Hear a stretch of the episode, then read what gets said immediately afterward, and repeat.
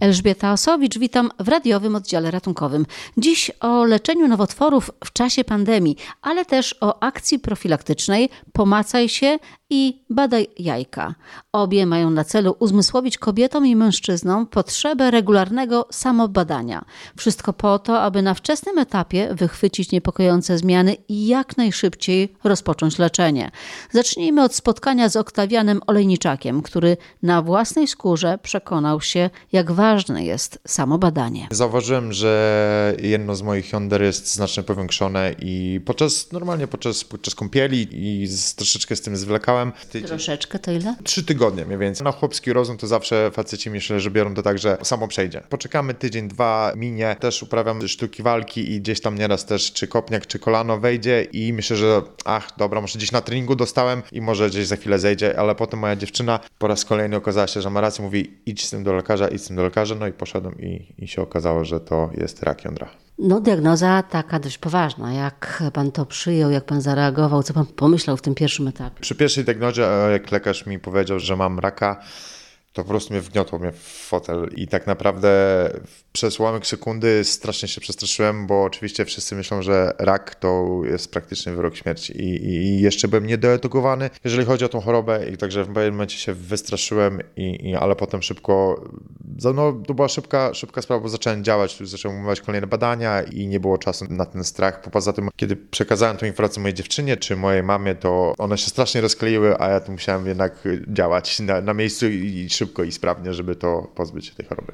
Od diagnozy do rozpoczęcia leczenia, ile to zajęło? Jak długo to trwało? Od pierwszej diagnozy, którą dostałem bodajże na walentynki 14 czy 15 lutego, pamiętam. Ja, tego roku, tak? Tego roku, tak. Roku bieżącego ja już byłem na oddziale przyjęty do pierwszej chemioterapii, to był 20 marca, czyli miesiąc czasu. Szybko. Mówi się o tym, że pandemia komplikuje dostęp do leczenia. Jak pan poczuł to, że były jakieś problemy? Nie, to byłem bardzo, ale to bardzo mile zaskoczony, ponieważ całe leczenie i wszystko było tak sprawne, że naprawdę nie zauważyłem, że w ogóle, że, że pandemia cokolwiek by tutaj zahamowała. W szpitalu wojskowym, jak zostałem przyjęty na oddział, naprawdę szybko wszystko poszło bardzo, bardzo, bardzo sprawnie. I jak wyglądało to leczenie? Miałem trzy cykle chemioterapii, co trwały mniej więcej z przerwami od wizyty do szpitalu gdzieś trzy miesiące. Potem oczywiście wyniki kontrolne i niestety te, te, te zmiany, co już miałem na... Oczywiście miałem najpierw wycięte jądro, potem była chemioterapia, potem już miałem zmiany na węzłach chłonnych, chemioterapia zadziałała, ale oczywiście trzeba było potem posprzątać, jak musiałem iść jeszcze na operację wycięcia węzłów chłonnych, no i potem badania kontrolne.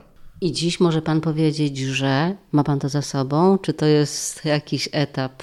Generalnie mam za sobą, tylko że teraz no, procedura wygląda tak, że przez najbliższe 5 lat może się badać i co, co regularnie, co 3 miesiące, tomograf co pół roku i za każdym razem jak idę na te badania, to jest tam z tyłu głowy ta, ta niepewność, ten stres, yy, czy wszystko będzie w porządku. Od momentu leczenia, po zakończeniu leczenia wprowadziłem wiele zdrowych nawyków. Oczywiście zadbałem przede wszystkim o dietę, więcej sportu, więcej badań kontrolnych, przed morfologia raz w miesiącu, markery rakowe co trzy miesiące. Oczywiście dotykam się, badam sam siebie, bo też często jest przy raku jądra, że jakiś tam procent, że te drugie jądro też może po jakimś czasie też mieć guza. No i przede wszystkim tak, zdrowa dieta, ruch, no i się kontrolujemy. Okazją do rozmowy jest wystawa fotografii, które pojawiły się na oddziale onkologicznym Szpitala Wojskowego we Wrocławiu. Na ścianach wiszą piękne, odważne, artystyczne zdjęcia kobiet po mastektomii i mężczyzn, którzy bez skrępowania dotykają podbrzusza. Jak mówi ordynatorka oddziału Anna Jakieła, na zdjęciach są gwiazdy sportu, m.in. Artur Boruc czy Łukasz Kadziewicz, ale nie tylko. Pani Aneta jest naszym pracownikiem, jest Amazonką. Ona przeszła leczenie, ona wie na czym polega to leczenie, ona wie z czym się borykała, wie jakie miała lęki, jak to wszystko wyglądało i zaproponowała nam udział w takiej akcji. To jest akcja niesamowita, one pokazują blizny po mastektomii.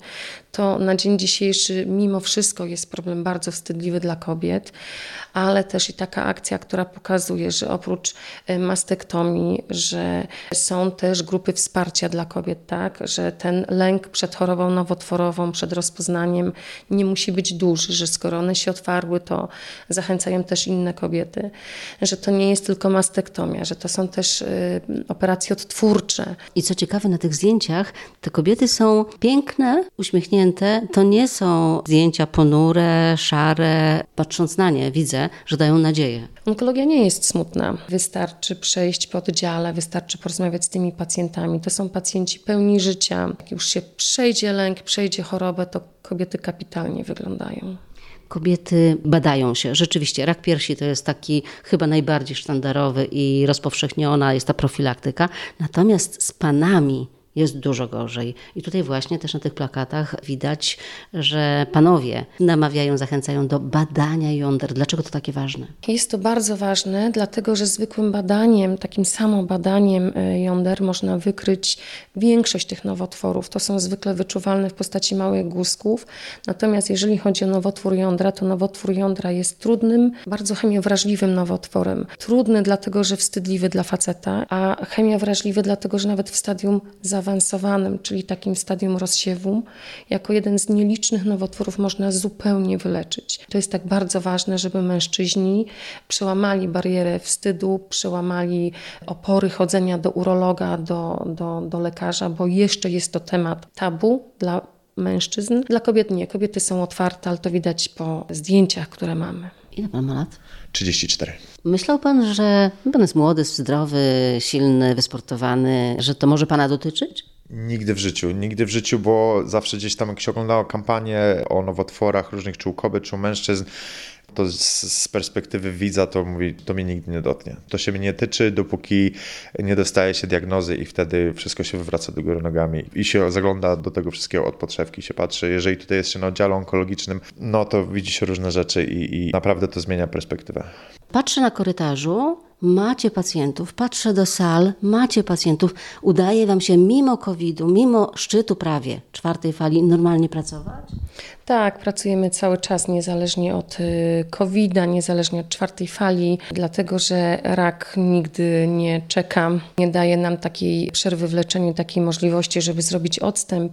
Także onkologia zawsze pracuje na pełnych obrotach. Leczymy, diagnozujemy i to są pacjenci dla nas priorytetowi, także i na salach, i w korytarzach mamy pełno pacjentów. Badania pokazują, że postawienie diagnozy jest opóźnione w stosunku do 2020 do 2020 2019 o 20% prawie, że Pani też widzi to, że pacjenci zgłaszają się później? Tak, my to też obserwujemy, niezależnie od tego, że pracujemy cały czas na pełnych obrotach, to pacjentów jest y, zdecydowanie więcej w większych stopniach zaawansowania, ale też wiemy, że ta pandemia spowodowała, że jest jak gdyby taki przestój w leczeniu, w leczeniu nowotworów. Ale gdzie? Wy pracujecie normalnie. DCO też twierdzi, że pracuje normalnie, że przyjmuje wszystkich pacjentów, wszystkich, którzy się zgłaszają. Wydaje mi się, że wynika to z paru przyczyn. Jedna przyczyna to jest lęk y, pacjenta przed, przed zarażeniem się, przed COVID-em. Druga rzecz to jest taka mała świadomość, mimo wszystko o o, chorobach nowotworowych. I trzy, wbrew pozorom jest to utrudniony dostęp pacjenta do diagnostyki, bo większość oddziałów jest pozamykanych. Lekarze są skupieni na leczeniu COVID-a, tomografie są skupione na diagnostyce pacjentów covidowych. Gro oddziałów, fajnych oddziałów jest pozamykanych. Pozamykana jest chirurgia, pozamykana jest ortopedia.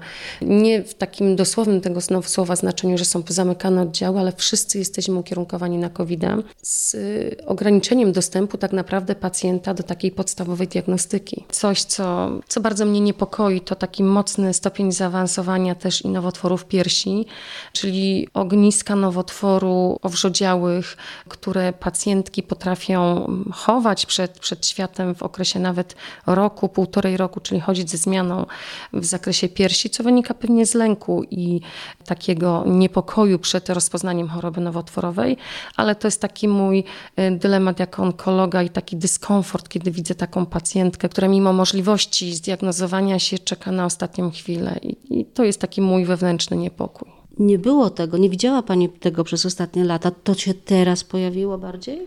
W okresie covid mamy więcej takich pacjentek, które nie wiem, czy z lęku przed rozpoznaniem choroby nowotworowej, czy z lęku przed y, COVID-em, czy z ograniczoną dostępnością, ale w mojej ocenie jest y, zwiększona liczba takich właśnie pacjentek w okresie ostatnich dwóch, dwóch i pół lat. Niektóre nowotwory rosną długo i tam tydzień czy dwa, później to nie ma wielkiego znaczenia, bo to rosło kilka lat, tak? Ale są takie, które naprawdę rosną szybko. Na co szczególnie zwrócić uwagę? Z takich nowotworów, które szybko, że tak powiem, dają objawy, to jest nowotwór płuca. No i to rzeczywiście są objawy kaszlu, to są objawy może sugerujące jakąś infekcję. To taka dbałość o to, żeby szybciej diagnozować takiego pacjenta, tak? Czyli nie diagnozować go na przykład w POZ z powodu nie sugerować, że mamy covid i nie uskuteczniać pełnej diagnostyki covidowej, ale pomyśleć o tym raku płuca. Natomiast co do pozostałych nowotworów, w przypadku na przykład nowotworów jądra czy nowotworów prostaty, to jest y, samo badanie, to jest y, badanie urologiczne, to jest w końcu też nasza poradnia, gdzie do onkologa tak naprawdę to jest chyba jako jedyna z niewielu specjalizacji, która nie wymaga skierowania. My nigdy pacjentów nie odsyłamy, my zawsze pacjentom staramy się pomóc, plus dodatkowo to, co jest y, powszechnie dostępne, czyli karta DILO, zielona karta, ścieżka diagnostyczna szybka ścieżka diagnostyczna, która u nas w szpitalu jest taką hiperszybką ścieżką.